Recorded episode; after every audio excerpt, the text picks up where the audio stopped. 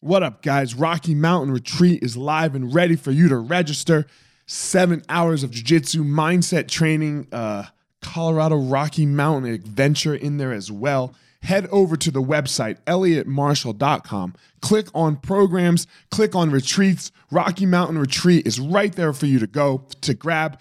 Go click on it. First 200 people Use the code Early Rocky, all capitals, and you will get $200 off on your Rocky Mountain retreat, all focusing jiu-jitsu wise on attacking from the open guard position. So, if you're a jiu-jitsu person, we are going to attack from the open guard, bottom open guard, the most difficult position, no gi. February 17th to the 19th. Use code Early Rocky. Let's go. What's up, guys? This is former UFC fighter Elliot Marshall, and you are listening to The Blueprint. I believe that there's a blueprint of how the most successful people structure their lives. They don't all do it the same, they don't all do the same things. And on this podcast, you're going to hear inspirations, motivations, and stories about how they go through their life. These stories will give you clues and tricks of exactly how you can discover your passion, find your power, and then go give your purpose to the world. Thank you so much for listening. Let's jump into this week's episode. Yo, we got another UFC champ in this episode. UFC welterweight champ of the world, Matt Serra. I don't need to say anymore. The first story he tells about his first fight after graduating high school, that, I mean, we're going to just stop right there. I don't want to ruin it for you. I don't want to ruin it for you at all. So here we go. Matt Serra, former welterweight champ of the world. Let's go.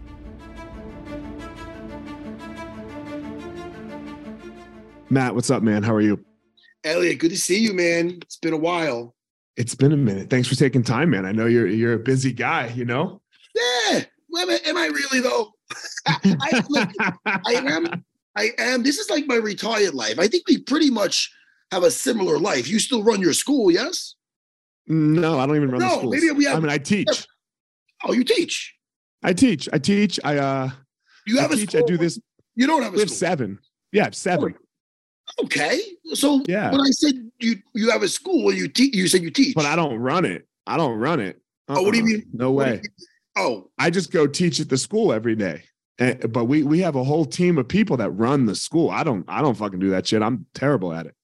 You know what's great with that, and I say that all the time, man. It's not that I'm terrible at being behind a desk. I don't want. I, I don't. I'm too. Not, I won't. Nobody's gonna be paying. It's not good when I'm behind a desk. Whether it's a, I'm too. I have too much of a a soft heart, uh, not a, like a soft spot, and um, I can't be behind the desk because it's not going to be good for business. And it, it's well, not. People love it, but I, it's not. I got a family to feed. You know what I mean? So I got. Yeah, man. You know, I got a. I I down. I downgraded. I did the opposite of what you did. Like I'm sure you started with one. Are you still? Um, it's me and them all. We own them oh, both. Yeah. Okay. It's the two of us. Yeah. It's the two of yeah. us doing the. Yeah. For people that so, don't know, Amal is your instructor, right? Black belt instructor. Yeah, Amal's yes, my instructor. And, and yes. I know I know Amal for 30 years or whatever since we're both blue belts and stuff. So I know I know me and Amal competed uh with we went down to the 99 Pan Ams together and competed and, in yeah, Rio, we, have, right? we have a long history, me and your uh me and Amal. I, I really even though I haven't seen him forever, you know, I consider him a, a friend, you know you guys started at Renzo's together. How, how did how did this journey start for you, Matt? Like where did like where did you go? Like, uh, yo, I'm I want to do jujitsu. Um, well, my story is, you know, I you know, as like a typical, you know, you got that high school toughest guy in the high school thing, the typical who's the toughest guy type of thing. I was I was pretty much that guy. Not that not that it's nothing to brag about. I'm just saying I was a tough kid, and uh, I used to fight a lot. I used to scrap a lot, and I knew but I was also not a dumb kid. Like I knew school wasn't for me, but I also knew I see some of the older tough guys from the neighborhood and I see how they were ending up. And I knew I didn't want to be a loser. I didn't want to end up in jail or whatever else. So yeah, this is honest. So I, I so I'm like, yeah, know, I'm gonna go the military route because this was this was, you know, mind you, I'm 48. So I was graduating from high school in 1992, a year before the first UFC. So, right. you know, I set myself up where when I graduated, my parents signed something called uh, they signed something. They put me in the delay entry program. So when I, even though I wasn't 18, when I was 17, I was going to go to the Marines uh, when I graduated, and I was going to go that route. I was thinking special forces. I was think I was a gung ho kid, you know. And then I ended up getting into a, uh, a street fight. Uh, I was delivering pizzas, and uh, long story short, this girlfriend at the time, her best friend, Maria, this girl Maria, her older brother, uh, and the guy was like a like a, a, a, Long Island juice head. I mean, dude, if you look up, if someone people think of like Long Island, there's certain part of th- people like um like me, like just good guys, and then there's fucking no, then there's other guys that's almost like Jersey Shore-ish, like it's almost like the fucking yeah. This is what kills me about the Jersey Shore. It's not people from Jersey. That's all people from Long Island. It could be. Well, I don't say all. I wouldn't say all. Oh. I would say it could be Staten Island. It could be a lot of sure. different islands. But anyway, the thing is this you know, the guy was a douchebag. Long story short, I got into an argument with the guy over the phone. He ended up coming down to my pizzeria with a couple of carloads of guys. My pizzeria boss got his nose broken. It was a one-on-one fight at first, um, and he ended up getting me like cheek to cheek like this. He was a strong guy, and I and I and I took his ear off. To be honest with you, and uh, for people that do jujitsu, this is something that should be pointed out you know, keep it in the academy. You want to prove yourself, do it in a cage, do it in a in a, in a ring. In a, you know, don't try to learn your latest move you learned in class at the bar or something because it really and I, I know I don't want to sound like a, an old man with this like it should really be for self-defense but 100% you know you can lose a nose you can lose an ear I took this guy's ear off just like as fast as this look mm, that thing's off you just oh. bit it you just yeah, bit it I, off yes I did he was he was you know, the guy had to look at the devil in his mind, in his eyes. He, I mean, this is all bullshit. We squared up. My they kept it even because I think he thought he was going to beat my ass. And they thought he was a little bit older, bigger. But then he got a hold of me. It's funny, Elliot, because before we knew what works in, in, in reality back in the day, everybody, all the kids now, they grow up with mixed martial arts. They know what's effective. When mm-hmm. I was mm-hmm. growing up, there was, you know, we you don't know, you know, my personal, I did a, a, season and a half of wrestling. When I would start my fights, I would start with uh, sometimes I, I, would do a lot of Wing Chun with my father. So I would do a lot of trapping drills, and I have a wooden dummy in my garage. Dude, it, I would start with a chain punch and go right into like a double leg or something whenever I got into a situation. So I knew early on. Well, I'll get to this later when I seen the tape of the Gracies, but but uh anyway, when I hit this guy with a chain punch or a straight blast, they call it Jeet Kune Do dude, the guy just fucking took it and grabbed my neck. You know what I mean? I didn't know jujitsu back then. So you do right. what your instincts tell you. So so I bit him, you know, and and uh, you know, the guy was saying he was gonna kill me and yada yada. Anyway, long story short, even though I'm making it longer than it was, uh, I wasn't able. The original charge was a um a felony uh, for disfigurement. So I was the Marines. They didn't. They didn't. Uh, even though the guy came looking for trouble for you, that, that helped me out in the, in the long run with the civil suit. That helped me out a lot. Uh, but I didn't. They didn't accept me. They and nowadays maybe they would have. And it's funny because my little recruiter back then, he was a little short Georgian guy. He was a little shorter than me. Was, and he goes, Matt, I got my superiors, Mr. Serra, but I'd be in a foxhole with you any day. He loved it. He was he was like I'm like he loved it. It was funny. I remember that like it was yesterday, and I was 17. So I was I was heartbroken because I didn't know what to do because I'm like, look, I'm not going to school. I'm not a student. I'm what the fuck am I going to do? I can't do the civil. I told uh, well later on I, I had a sheriff's friend and uh, I I was supposed to have a youthful offender because I was 17. That way, if you apply for jobs, you can legally say that you uh that weren't in in, in no trouble, felony, whatever. Right. But you know, well, I ended up being class A misdemeanor because I took that plea. So uh instead of taking the felony. The original charge was, a, you know what's so odd? The original charge charge was a felony. They didn't take me because the original charge. They didn't take. I pleaded guilty to a class A misdemeanor, youthful offender. But anytime a buddy of mine from on the police department or something would put my name in a computer, I didn't tell him why. I go, look, could you see if there's anything on me? The next time I'd see it, they go, yo, you sick fuck. so it would come up. it would come up. So I knew me getting a civil service job would be a hard time too. So I was right. very, you know, so sure enough, uh, my my father is a is a lifelong martial artist, you know, and he he showed me uh this thing. I'm sure you've seen it. uh, Gracie in action. Did you ever see those tapes? Of course. If not, if of course you did. Okay, good. That, Yeah. well, you're a you're an old, you're kind of an old school guy I'm like old- me. Uh, look, you're you're. This is how I classify the the OGs of the world. Uh, Yeah. If you knew Renzo in Brazil, in Brazil, we, we- you're just fucking old. Okay. If you knew Renzo at the methadone clinic, right? If you were training at the methadone clinic or before, you're an OOG. Oh, that's Okay. me then. I guess I'm an oh. Yeah, that's you. So I only knew him. I started my my journey with Renzo at the methadone clinic. So Oh, I'm an? OG. oh, at the methadone clinic. You were at the methadone Yeah. clinic. I was at the methadone. Oh, I know. I know you a long time. I just never. I mean, I was. That's where I was too. We were there. Well, way before that, but that's great. Yeah, know you, you were there before Oh, that. So that's what I'm saying. You're OO. Amal's OO. How old are uh, you now? How old are you I'm now? four, I'm 42. I'll be 43 this year. dude. I'm So yeah, I had to take that. I had to take the fucking elevator up with the fucking crackheads. Yeah, and that, the, the funniest part always was everyone's like, "Oh, why doesn't Renzo have a kids program when he was there?" It's like, dude, you can't have a kids program there. There's it's literally crackheads and heroin addicts. It was So, one kid. it was uh Gianni. uh Gianni Grippo, but he just took the adults program.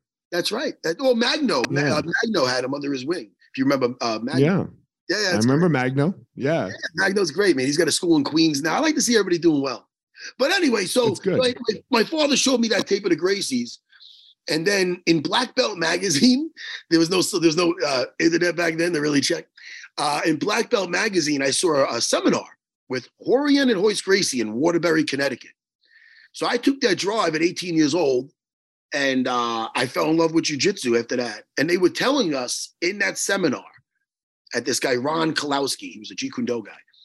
Uh, it was a seminar at some like elementary school or something, and uh, and uh, he, they were telling us about the UFC, the first UFC. They're like, look, like almost like if you know anybody that wants to try this thing, and that, back then they weren't sure how it was going to be, but they were throwing around different ideas with fucking alligators and moats and shit like that. You're like, I'm, I'm why left that thing thinking I love this shit, but I also remember thinking, what is that blood sport thing they're talking about? That's never going to fucking happen. That's crazy. And sure enough, it did happen. And uh, you know, fast forward, Craig Kukuk, who's Renzo's Gracie's, uh, who he was Renzo's American business partner back in the day, before the methadone clinic. Uh, before the methadone. Yep. Yes. And uh, Craig Kukuk started teaching one day a week in Manhattan, and he was based in New Jersey. And he was taught by Rorion, Royce, and them, you know. Uh, and he was a good Mhm. teacher, Craig Kukuk. He was good. Uh, personality wise and being a warm guy, friend, not the best. I mean, you never got close with the guy. He was very German, very just, you know, whatever. So uh Renzo came over like two years later. So I was a blue belt under Craig when Renzo came over. But Renzo was so I I got so close with Renzo. So he was the opposite of Craig in every way almost. Like Craig was very and I like this too because he was very if you if I look at some of the stuff that the Gracie brothers do now, like the kids, not the kids, Uh-huh. Ryron Yeah. and they're great. They're- yeah. First of all, Aaron, I'm sorry, they're great. I love that. I love their stuff, but a lot of it's reminiscent of stuff with Craig. I- oh my god, like I'm looking at stuff, I'm like, it's very, even if it's tweaked or it got better over the years, but very. Craig did make me very fundamentally strong. You know what I mean? And I really love some of the stuff that he did, even to this day. But then Renzo came over and was very innovative and very uh, the latest from Brazil. He was a big believer. Craig didn't even own a gi. He didn't give a fuck about a gi. He did the same with or without the gi, which is cool. Like, but uh, but uh, Renzo was a big about the gi. He thought that the gi makes you better, and it had a lot of more benefits than just being able to strangle somebody with it, strangle somebody with it, and he got me into that. Not even sporty wise, just Just for pra- for real for Oh, real oh. self defense as well. Yeah. for everything, for everything Yeah. to get better. And I believe that to this day. To this day, and it's not even popular by most uh, standards because a lot of people like no gi. You can't take your gi off at my school until you get four stripes on your white belt. That's how much I believe in it. And that's not, and I can get more people that want to just do no gi. They have to earn their right to do no gi. Put, put your time in with the gi. And then by the time you get four stripes, it's going to be under a year. You know, then, then we take the gi off. That way, you We're de- sim- yeah, you develop that sensitivity.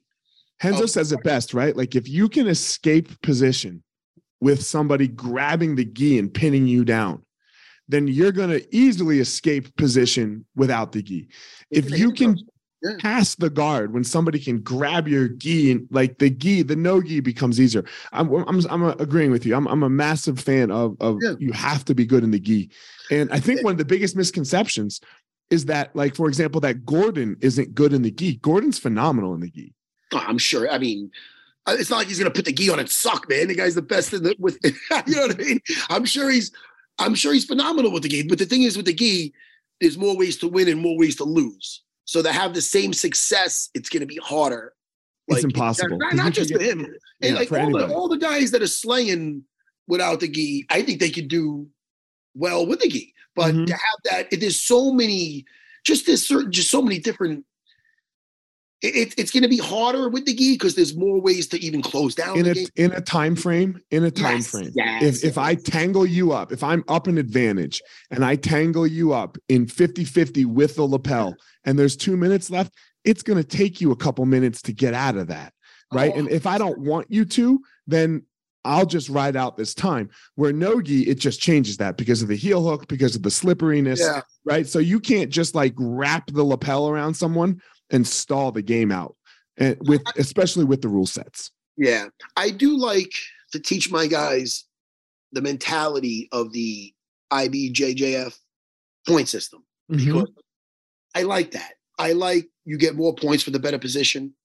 So that way, I don't want the mount to be a forgotten position and just get into leg entanglements that lead to good things. And I, I'm not shitting. Believe me, my school's got the latest in every fucking crab ride to Ashi to fucking. Right, you had Jason Rao, and Jason Rao was, a, Oh, and he's your Jason Rao's student. phenomenal. Jason Phenomenal. Rao is uh he opened up Vanguard Brazilian Yep. Jiu-Jitsu, and uh, we are still very very close. I love Jason Rao, and he's a he's one of the he's a one of the best minds on the planet. He's phenomenal. He's almost like like people don't even. It, he competes very well, but he's even better than that. I think he's he's very he's world world class. So I, I- mean, I've a- only had my ass beat recently, really badly by a, you know, okay, not now because I'm older, but you know, when I was, you know, five, six years ago, he, he him and Gordon were the worst. oh yeah, it's you amazing, know? isn't it? It's a, it's, It's a beautiful like, thing God damn. You You wouldn't pick you like Jason doesn't look like a pussy, but you wouldn't pick him out of a lineup saying that's the most dangerous guy. That's Yeah, what I love about jujitsu. Yeah. You know what I mean? But uh so anyway, I love I love it all. And I still have that white belt mentality, especially with the stuff with the legs where I'm asking Jay to I, uh, you know, Jay was my student, but I ask him things all the time. I'll send him, a- Sure. I'll send him a message, yo, send me this out of the 50-50. I was having him help me with the hand assist method with getting out of the back. I listen, I, there's no, you shouldn't get to a point where you get your black belt, you're like, all right, I'm good. That's not the way it is. You know what I mean? There's always, because so many people are grappling, there's always new things. But I listen, I love jujitsu. We could do a whole We can do this forever. Yeah, sure. But, so uh, what, when did yeah. you when did you fight? When was it like okay? So you know the you, you met Renzo, you're with Renzo. Obviously, Renzo's a scrapper, right? If any like you Yeah. know if Hen- Renzo's never been afraid of a fight in his life. Yeah. Uh, so when was it like yo, I want to do this fighting thing? you know what? I always planned on it. Like uh my dream when I first started training was like, man, I'm like, uh maybe one day I, I, I want to work where I can get a school. And then maybe one, I'll have a challenge match in the school or something. I was thinking like the Gracie and action things. Hey, don't get me wrong. I don't want no dojo storm storming. I'll fuck you up. I don't want no bullshit. I'm not saying it now.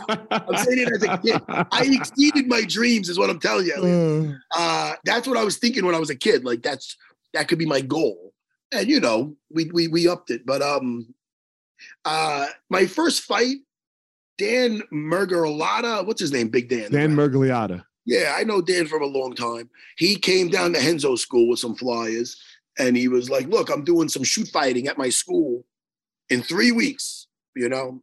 So uh my first taste of um like a shoot fighting mixed martial arts type thing was that. I did a tough man contest earlier on when I was eight when I was 18. That's just boxing though. That's just punching, right? That's just punching. I got to the Yeah. like, semifinals. I knocked out two guys, and I never. By the way, with that, really quick, I'm, I'm gonna just really quick. I went to the city with my buddy Jim McCluskey. He was a he was a professional boxer, and uh, I know me and him used to. We had a lot of scraps in the, in the street, so we saw about that tough man contest, and it was at the Palladium in Manhattan. Uh, I think the Palladium's closed down now. It was a club, and uh, it had that guy with the the beard, the guy who runs the tough man. The referee was Mr. T. You know Mr. Oh, T. fuck yeah. Yeah, Fuck, fuck yeah. He was the Mr. T. referee, of course. he was the referee. and it was 175 and up. So they, I never sparred a day in my life. I would just be a street fighter. I, I, I just, you know, not to be like that, a street Right. fighter. I, I never, I never had a sparring match. I never put on gloves. You never or- did a round. You never No, did a round. Never before. did a round. So my buddy McCluskey goes, "Hey Matt, see this? Stand like this sideways, so you're less of a target." I'm like, "Okay." So that was my that was my thing, and then I went in there, and I I the first guy I took out. They, he was they announced he was a Long Island guy too, I believe from Ronkonkoma or out east, and we were the smallest guys in there, so I think that's why they paired us up because it was 175 and up, and I wasn't, a, you know, I wasn't, I was probably just that, you know, as an 18 year old kid. So uh I knocked him. I stopped him. I stopped him. I got a videotape of it somewhere. Uh, it was on Entertainment Tonight where I had him like up against the ropes. I stopped him with punches. It was fucking amazing. It was the first time I ever did anything like that, you know. And then the second, but this I'll tell you right now. To this day, it was the worst I ever got concussed ever, ever. When I got done with this thing. After that, I had to fight this tough Irish guy from Jersey, and that was rough because that was like a back and forth, just like. And then again, I didn't really have technique, so I'm fucking just fucking throwing. Like, you know what I mean? I, I, don't, I Uh-huh. never, I don't know what it must look like, but you know, that was a tough one. But I won. I beat that guy. Then they put me in again, and dude, I was all. I shouldn't have went in there the third time. I was fucked up, and I lost to some Van Damme looking pretty boy, and he got knocked out the next one. He was like pushing me. He wasn't good. He was like a tall, lanky guy, and he was like, and I made it through, but I was like fucking shot. I was stupid for like a month after that. I swear to God, I felt, I felt slow. I remember being like, I remember like being at home playing a video game, being like, I hope I don't stay like this. I remember being concussed, my jaw. I went to get pizza right after that with my buddy. I couldn't bite down. Like to this day, want to hear something gross? You hear that? No, but I No? can see your jaw clicking. Oh shit! Yeah, I can hear that Yeah, from that fight, yeah. dude. So like- I have a flash in my eye from getting poked in a fight. oh, where it just- it just doesn't go away. floaters? No, it just it's not a floater. It just all every once in a while in the corner of my eye, it just goes boop. Oh, and it started after it started after my Luis Kane fight. So dude. um, I had, really for a while after the BJ Penn fight. He gave me a little uppercut in my eye. I had, I like, I'm like, what the fuck? Little flies in here. I had that for a while. And Look, go ahead. so what about today when you said it's the worst concussion? Because for me today, if you flick my chin today, I'm I'm down for a fucking month. No, Like I have to be really careful. Yeah, man, it's bad. I listen, can't. You, you, wait, did you ever? I'm not to bring up bad memories, and I know you had. Yeah. I remember only your good stuff when you strangling people. I don't remember you losing. Yeah, uh, no. So I lost. You know, well, you don't. I don't know if you remember anything because it wasn't that exciting. But Ah, um, you had good fights, Elliot. I had okay fights, but uh, I had okay fights. But either way, um, now if I get hit, it's and I don't think it's from the fights. It's from training. We trained so stupid. right? We like we we sparred hard three to four times a week, and you know Shane Carwin, Brendan Brendan Schaub, Nate Marquardt, heavy fucking hitters. So- So I think it's from that where like I'm good as long as I don't get hit. If I get hit, I could be crying in my in a, in a dark room for a solid Oh, month. that's, I, Uh, it sucks. Believe Yeah, it or it not, dude. Believe it or not, I got that was probably my only concussion. I don't think I was Oh, ever wow. concussed. You know, I mean, I, I wasn't really either though. I was fine my whole career, Matt. Like I, I it was never it was never bad for me until it ended. And then Yeah. after my career years later, it was like I have to be, you know, I have to be very careful of like, you know, getting hit in the head. man, dude, really that's strange. Well, this this is the thing with that. Like, I never, I would take pleasure in the sparring, getting a fight ready because I was getting ready mentally and physically for battle. But since I got, I my my thing was different because my mentality, especially you got to go back to UFC 31 when I fought Shonie.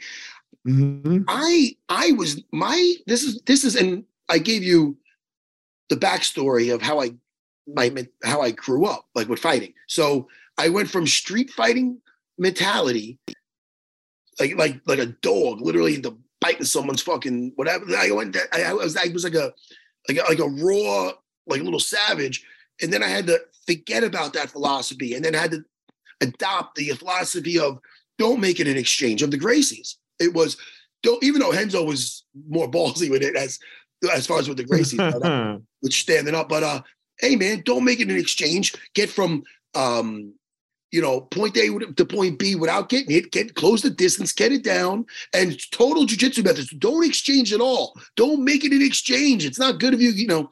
So I had to get that mentality. So if you see me fighting early on, I would strike just to get a hold of somebody. Even if you, if you know, I watched some of my tough fights, I had that mentality. And I'm like, dude, I would have just fucking laid this. I would have laid into him more. But you know, I I had to almost to fight, and then I had to learn on the job. I was sparring at Longo's on the job, um, developing my my my stand up. So I right. didn't really believe in my skills. I did it with Karo. I stood up with Karo, uh, but that was more because I, I couldn't grapple because there was something going on with me with, with my legs.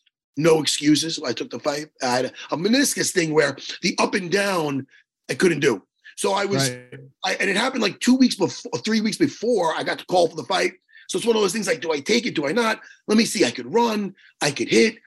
The jujitsu I could do. I can't do feet to floor. So I got fucking winded in that fight. Why did I bring that up? Oh, because I ended up having to just concentrate on my boxing. Just stand up.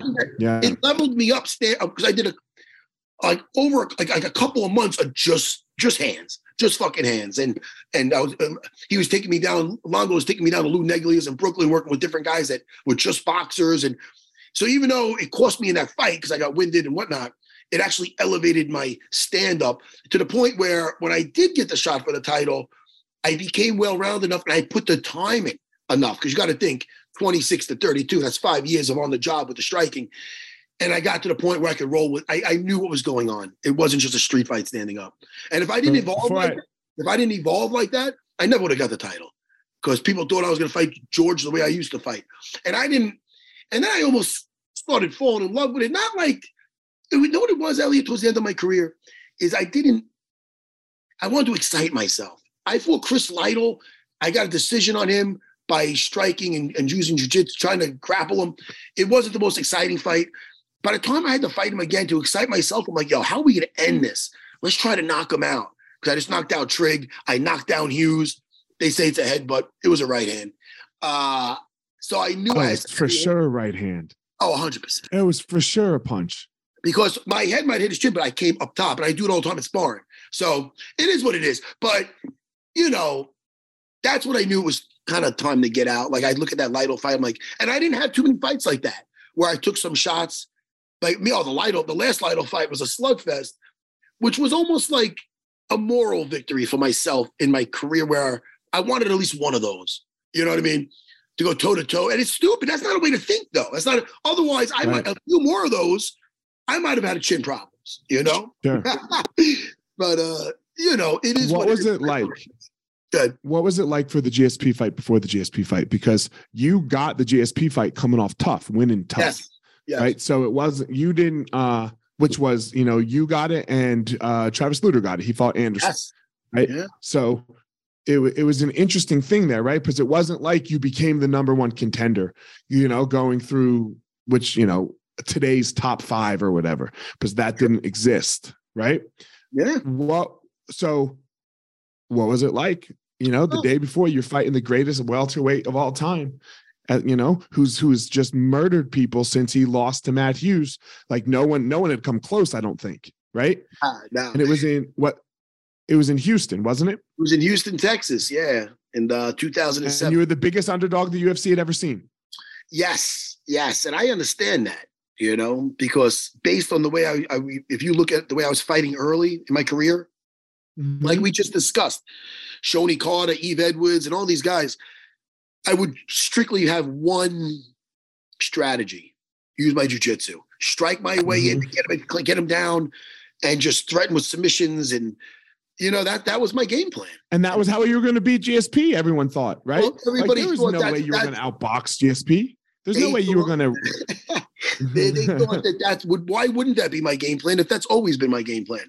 So that's with right. that game plan, dude, I fucking get it. That's a hard night day in the office because I look at that fight and I'm like, he's fought in, I'm not going to say better fighters because I pride myself in being a good fighter, but uh, way better wrestlers. Sean Sherk, uh, even Mayhem Miller, fucking uh, Matt Hughes, Frank Trigg. These guys are better straight up wrestlers than me. If they want to do a feet the floor, they'll probably get me down. Mm-hmm. Uh, so I'm like, why do I think I'm going to get in there and get them down and then fucking hold them down? If I do that, I'm going to get exhausted trying. And you know, chance he could slip, I get on his back. But, you know, it's going to be a rough night in the office. And I can see where people thought that. I never really showed besides knocking down Karo that time. Because after that Karo fight, I fought on tough and I kind of went back to my old ways of just, you know, I don't want to strike with Pat Pete Spratt anyway, but just boom, go in, take them down, beat them up. And then the fight with Lytle was lackluster. You know what I mean? So why would they think that I would go in there guns blazing trying to fucking work them with my hands and my strikes? It was it would be a it, it would be a tactic that nobody would ever imagine me doing. You know what I mean? Because he was Mhm. known as a dynamic striker and the new fighter 2.0 that's fucking well rounded, has no holes. But me and Longo knew that was the game plan. We knew it going on. And what really gave me a peace of mind and like what why I felt very comfortable in the cage that night wasn't that I, I knew I was going to win because I really didn't. I, there was listen. There's a reason why I told my wife to stay home, my fiance at the time. The time before, I remember a fight with Jay Hieron, who's a good dude, a very good Mhm. dude, tough, tough fucking guy, great wrestler, very good wrestler. He's a Long Island, he was a Long Island guy.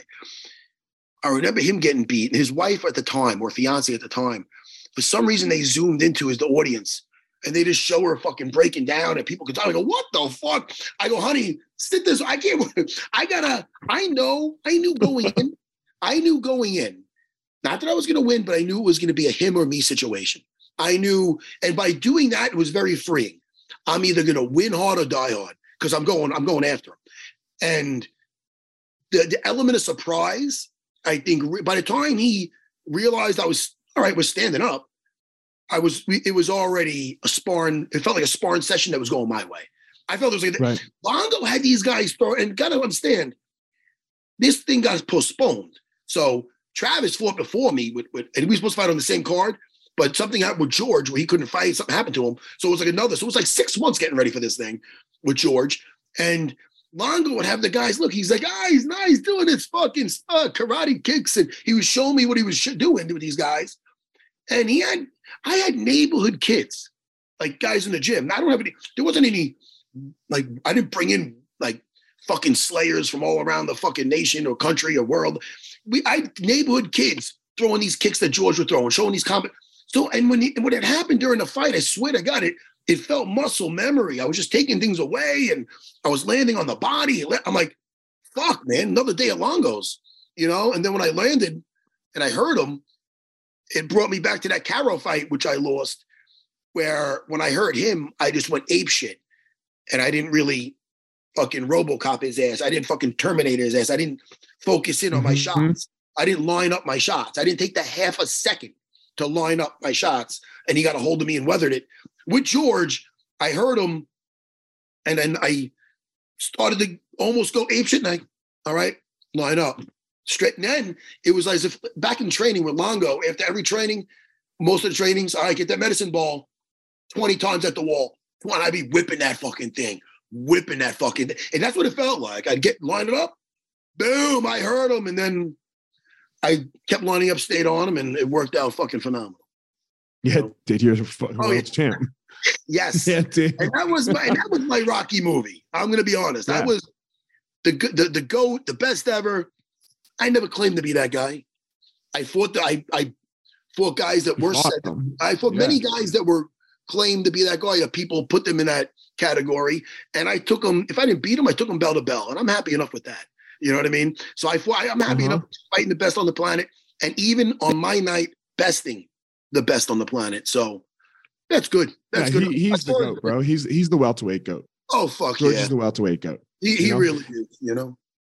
Yeah. So He's great, great guy. um, what uh so look your your career moved on from there right and then this point comes for all of us every, every athlete you know Yeah. uh, where it's time to time to stop yeah. and what was that like for you You know, what happened with me was one, I had a health scare where I had to get a rib removed, where I got so I got blood clots where one day I was training. This is when I really made the decision. And uh it is when uh I I was like 37, I believe, or 36. It was after the Lytle fight. And I had a I, yeah, I was training one day and well, well, before that, I had like a pain in my side. And I'm like, what the fuck is that? It was like a sharp once in a while. I'd be like, what the fuck? So I went to like one of those doc in boxes, you know, those walk-in doctor places. And uh, I go, yo, could you check this out? X-ray. And they did an X-ray. No, don't see anything. You sure you didn't get kicked there? Because I knew I did martial arts. I go, nah, I think I'd know if I got fucking kicked there. But anyway, you don't, find, you, don't, you don't find blood clots unless it's an ultrasound. I, I don't know. Right. I, I, didn't, I didn't think, why would I think I had a blood clot, you know? So I was training one day, jujitsu, and my arm blew up. I felt something. And all of a sudden, I'm like, what the fuck? And it looked like I had a severe pump. And I'm like, what the fuck is that? And I felt a little weird off the bat. That was a Wednesday. Friday night, we got fights in Tropicana and, and, and three hours away in uh, AC. I went, I cornered the guys. By that time, I couldn't touch my collarbone. I'm like, what the fuck, man? This ain't normal. My buddies from the drive from AC to my in-laws is like three hours. So the next day we're driving back. I slept three hours on the way back. Got there, we ate some pasta with the guys and my family and took a nap. Went back to my house. My wife was pregnant with my youngest nine. This was nine years ago, because or 10 years ago, because my youngest is nine. She was pregnant. So we went there and we got we drove back to my house with my kids, put them in bed. It was like two in the morning. And I go, look, I'm going to the fucking ER. Something's not right, you know. Your body knows when something's not right. It does. Yeah. I remember it felt weird. And uh I would never call like I was like driving over to the fucking hospital.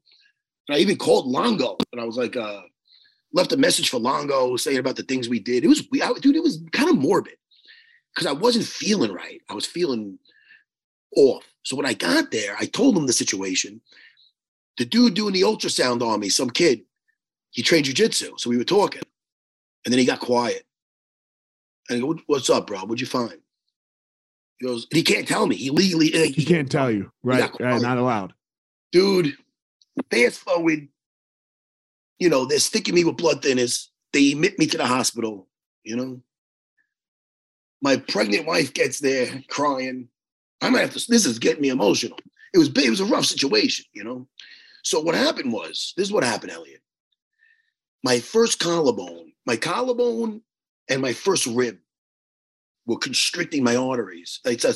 It's called a thora- thoracic outlet syndrome.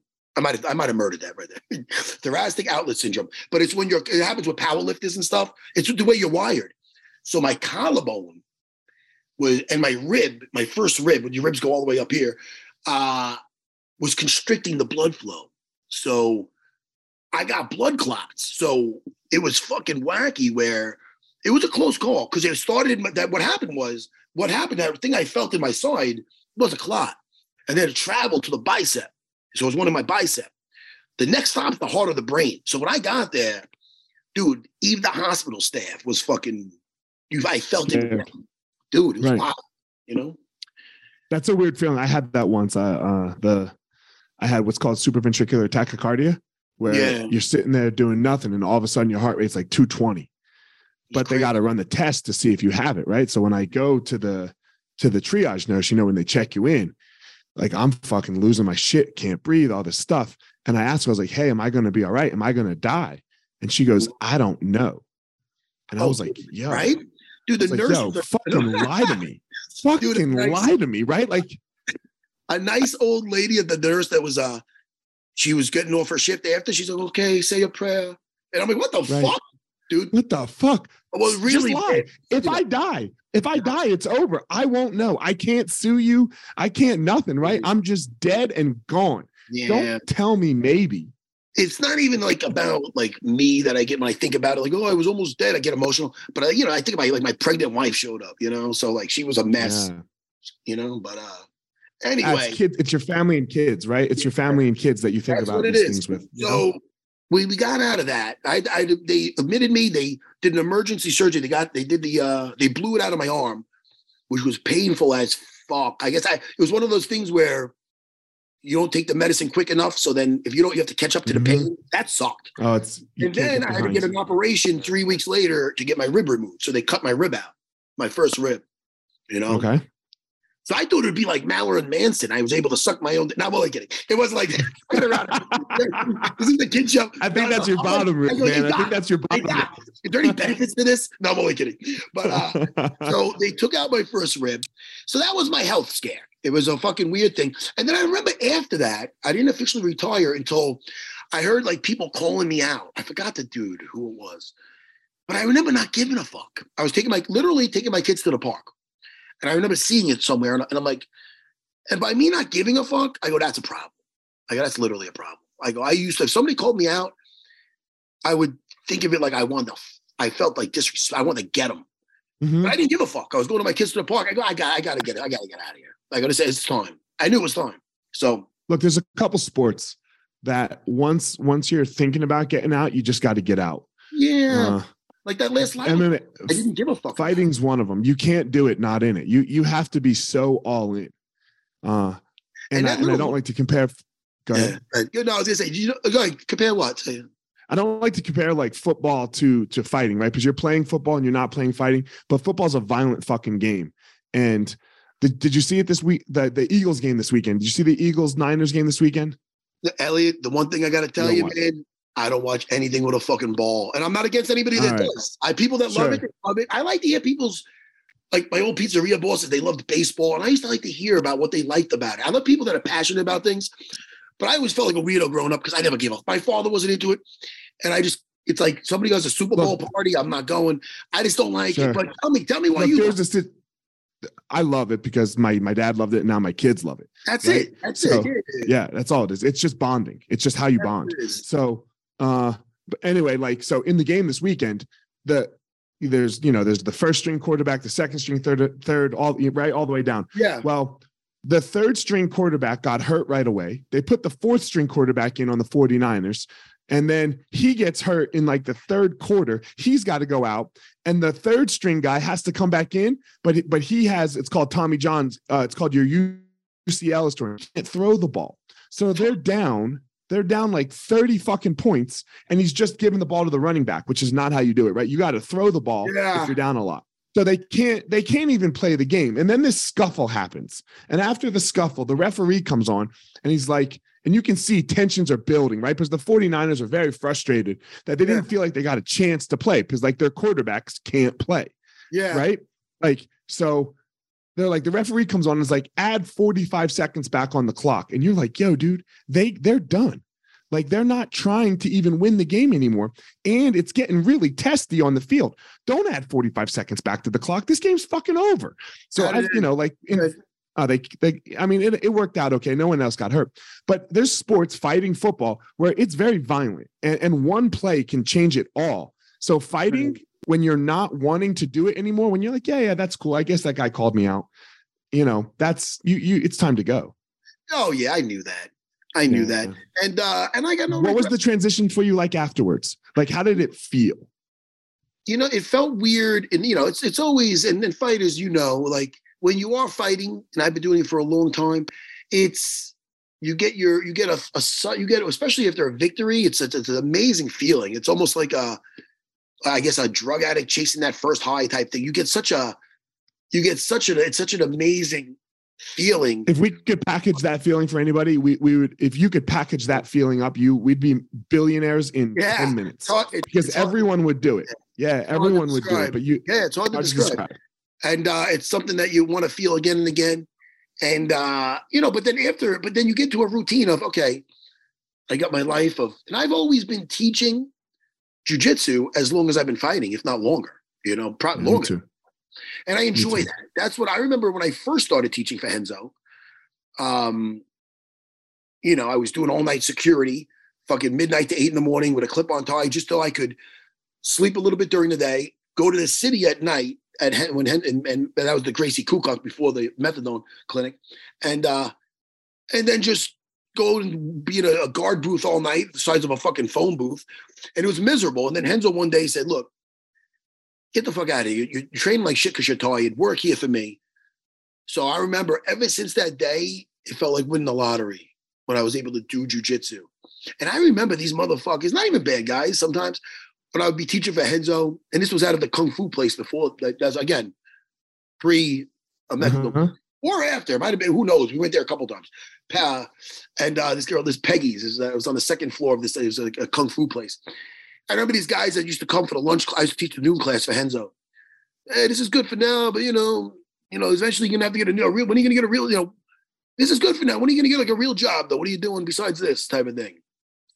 and you know, almost like, and this is after I like even like submitted them and stuff. Like I felt it was like almost like shitting on my life because you couldn't get me on the mat type of thing. I'm like saying, yeah, I'm gonna make this thing work, you know, you motherfuckers. Like, you know what I mean? I don't know if that even makes sense. Mm-hmm. In other words, the, the regular look, I, it's the same thing for me. My parents hated this shit. Yeah. I, everyone I knew was like, and, and I went the education route. Right, I, I have a uh-huh. college degree, I right? All that. They're, everyone's like, "What the fuck are you doing?" And oh, you know, because I was good at math, I was going to be an actuary. You know, actuaries yeah. make like three hundred and fifty thousand dollars a year right? Uh, you know, so they're like, yeah. "What the fuck are you doing?" And I'm like, "Man, I don't want to do that." Ah, you man, know, and, you gotta, you have to. I mean, listen, you could, you could. I'm a big believer. I'm not. I'm not that guy that thinks that the guy who's winning has the biggest fucking house and big and has the most money. I don't. I think there's a lot of miserable millionaires out there. I don't give a fuck. Honestly, if I had millions, I don't think I would change a damn thing. I really wouldn't. I and do right now. My wife thinks she's surprised. I've been doing like the 7 a.m. classes a few days a week. I've been teaching those. And I let a guy go recently. I downsized everything. I had two schools. Now I have one since the pandemic. So much better. So much better. I had a couple of like I got a guy who wanted to do an affiliate thing here. Now I got one, my Puerto Rican buddies over in Serra BJJ, Puerto Rico. I have a handshake with them. I go over there, I sip a coconut, show a Kimura. They're good people. I think it's, I don't think it's bad. It's good times. Uh, Sensei Edgar. Uh, I I feel the making things more simple for me, not for everybody. You got seven schools. You got I. But I don't run them, Matt. I don't run them. Oh, you don't run to one. I go to one school. I go oh, to one school. Oh, that's why I'm saying my crew. Listen. Yeah. Now look, just, uh, yeah, a lot of this, a lot of the other teachers come to me, right, to to to take my class you know, nice. of the other schools. But I don't fucking, I, I don't want to do that. I like it. I, am going to one school with my crew. And if you want, uh, if you want me, you know where I'll be. You know where That's I'll be. I'll be here yeah. every Tuesday or Thursday. Dude. I'm like you. I don't miss though. I wouldn't do anything different. My wife asks me like, why, why are you going to work? And I'm like, because oh. I want to. Dude, I got 100 black. I got to work. I I can have people teach because what are you else are you going to do? Like my thing is, this is what I do. Like this is what the fuck I do. I've been doing it since I'm in my early 20s. So it's like, like what, what like what do you do when you have and I seen this recently. I think it was uh Jordan Peterson. I think he was talking with Joe Rogan. This was a while ago. And he's like, well, what do you when when people think as far as like retirement, like what is what is your plan for retirement? Oh, on a beach sipping a margarita. He goes, Well, how many margaritas are you gonna have? One, two, three, four, five. How many days is so? What about the sunburn? Are you going to be hungover after three days of drinking margaritas all day? That's not really a plan. Like, you know what I mean? You have. I think I'm a big believer in quality of life. Like right now, my wife's training. My three daughters are training. Like, you know what I mean? Like this thing on Friday nights, we're all with there. We after we all train. I mean, there's a women's class after that. My wife jumps in the co-ed class. My girls are training. We're hanging out afterwards. We order food. We, you know what I mean? We just this is it's so uh, to me I almost run it like a mom and pop, you know, and like it's and it's doing phenomenal. It, it's just as long as the government doesn't fuck with us. I mean, like they did back during the pandemic. This is beautiful. I'll just do that. I don't want to go anywhere. I'm a fucking homebody. I like to go to the academy and to my house. And I'm very lucky. Like the gigs I got, as far as UFC Unfiltered, I do uh, exactly what me and you are doing now. I do it with mm-hmm. my buddy Jim Norton, comedian Jim Norton. And uh, I've been doing that for I don't know six, seven years. Jimmy's a fucking or more longer. We have over 600 episodes. Jimmy's a became a very good friend of mine, and that's got a life of its own. We do that twice a week. It's an, I used to have to go to Manhattan for it. Now I do it right from my house. Thank that pandemic. Some shit sucked and some shit out of it worked out. You know what I mean? Well, now, the, the pandemic then, made our schools better for me. Like we, oh. we got more organized. Like our, our, ship is fucking tight. So the pandemic, for, like I, I wouldn't want to do it again. But uh, I, I, oh. you got to find the benefits in it. You got to find what's good, right? Like you can't you can't just complain.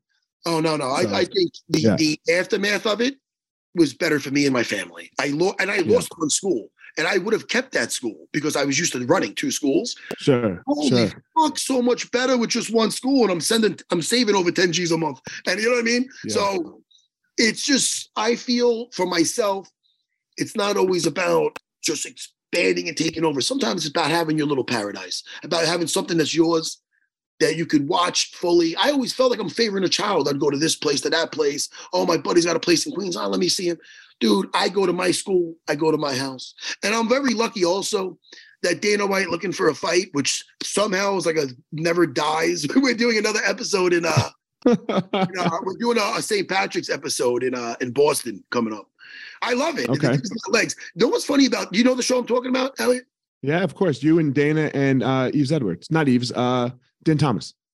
God damn. I guess with that, I'm, I'm not gonna even touch that. I, I fuck with him all the time. I go, I go to no, no, Yves Edge with Din Thomas because there's guys that used to go up to him, hey Yves, I love your fight. I go, Din, I'm not saying anything. But uh listen, I love Din Thomas. Din Thomas, to get paid to hang out with Din and Dana. And me Matt, and I'm good, man, because I'm a I'm a I'm a black Jew, bro. My Oh, dad's black, my mom's a Jew. My my mom's a Jew whose parents survived the Holocaust. I'm fucking Buddy, good. You are bullet fucking proof. Hey, listen, I'm neither. Come and I get ain't, me. saying, I ain't saying shit. Come get me. I'm come not on, yeah, they come can't. try. They fucking. They'll Come look at try. your family tree, they'll back the fuck off. I'm with you. Yeah. But uh, you know what's funny about that show is that show was originally Dana, and it, it is what it is, looking for talent, and he was going to bring a different fighter each time. But then I did the pilot episode, and I ended up getting to an argument with some ring announcer, and they loved it so much I became a regular. There you go. No, I like about opportunities, Elliot. You know, so I love that shit. So um, I can live the rest of my life doing, and I plan on it. If something else comes up, it comes up. But my school, my my podcast, I could do maybe some more stuff with that. I'm thinking about doing some YouTube stuff, but who knows? And then, Yeah.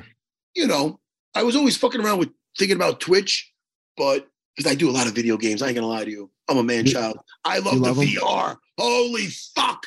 I put that fucking thing on. I'm fucking, it's so much fun. I'm a bit of a man child, Elliot.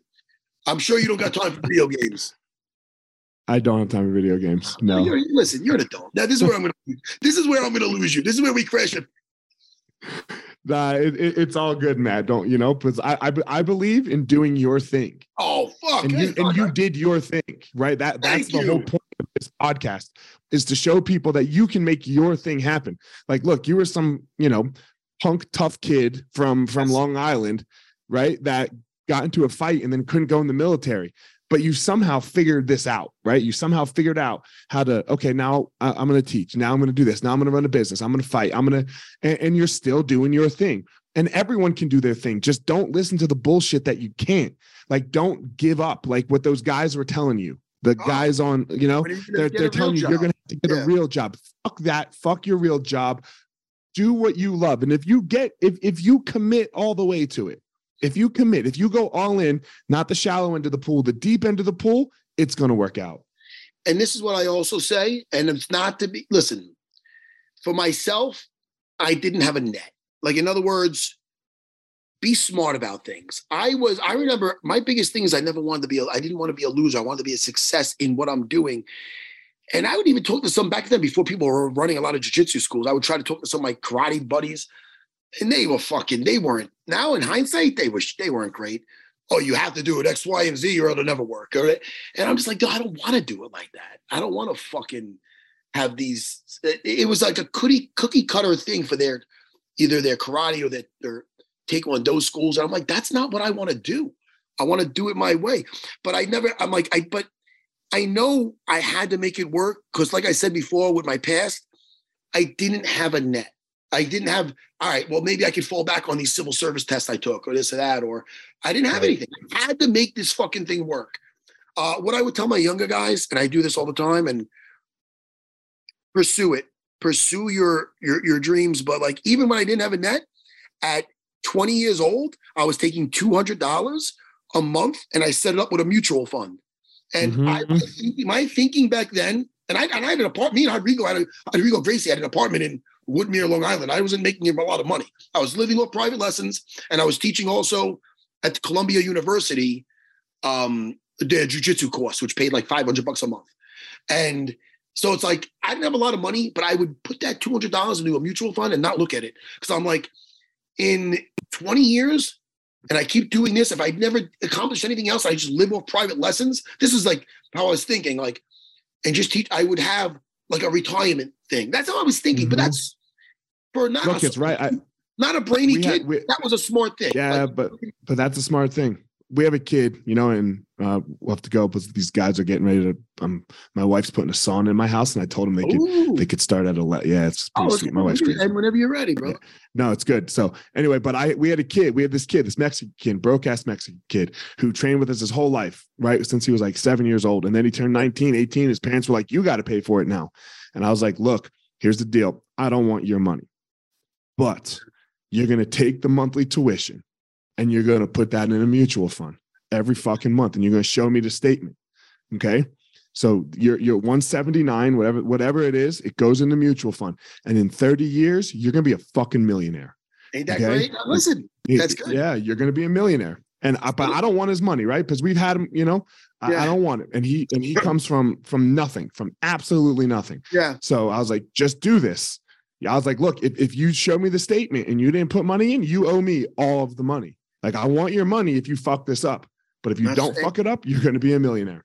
So he'll thank you. He'll thank you for that. You know what I mean? Because 30 years. you don't want in 30 years. In 30 years, he'll Yeah. thank you. But uh, you know, you don't want these guys like these guys that are fighting and these kids that want to do that and everything. It will come to a halt one day. So unless you and and the chance that you're going to make fucking millions to sit back on could be. eh, I mean, I don't. I'm not being negative because I'm a positive guy. There's it's zero. You gotta just just plan. Put like you're saying Right. something like that. It's not. You're not going to miss the money. Pretend it's not there, and Yeah. be there for when you need it. Or if you're a young kid, you might not want to be a cop, a fireman, a garbage man. Take all the fucking tests. I say that around here, like to my guys. Take all the tests. They don't call for like fucking four or five years, or three to four to five years. By then, you might be in a different spot. You might want to take that job and retire in 20 years. You know, one of my students, Bam Bam, uh, Frankie Bam Bam, you know, he took the. He, I don't know if I want to do a fireman thing and this and that, and uh, he did. Now he's about to retire in a few years. You know what I mean? And that's that's Yeah. of the, I'm the godfather to his kid. It's a beautiful thing, Elliot. But hey, man, I know you got a sauna getting put in. They're, yeah, they're they're they're they're starting to drill. So uh That's Matt, you're the man, bro. Thanks so much for doing it. UFC lightweight champ of the world. Well, Serra. It was welterweight, but you know, I fought at lightweight Was too. it welterweight? yeah, we Oh, can it edit was that welterweight. It was GSP. Yeah, was welterweight GSP. champ. He's not making lightweight unless you cut off one of his legs. No, he ain't making lightweight. You He know, hey, lightweight. if any of your Yep. audience wants to listen to uh, UFC Unfiltered with myself and Jimmy Bird, go ahead. UFC Unfiltered. And Elliot, next time you're in Long Island, you hit me up. I will. I'll come. I'm, I think I'm coming. I might come to New York in, in March. So I'll, Oh, I'll hit you up. Stop by, All man. right. We'll get a slice. Let's do it. Yeah. All right, Guys, brother. as always, don't go out in the world and try to be Matt Serra. Matt Serra has his unique power and gift that he gives to the world. Don't go out and try to be me. I got my unique thing that I give. Go out in the world, everyone, and find your own power. Fuck yeah, Elliot. Thank you so much for listening to this week's episode. I hope you found something useful that you can take and implement into your life. Don't forget to head over to wherever you are listening to this podcast and leave a review. That would be greatly appreciated. Also, go follow me on social media at FireMarshal205 on Instagram. Leave a comment, anything that you would like there. And as always, if you think this would be useful for somebody else that you know for their life, send it their way. That would be greatly appreciated. That's it for this episode, guys. I hope you all have a great day and you go step into that power so that you can give your purpose to the world.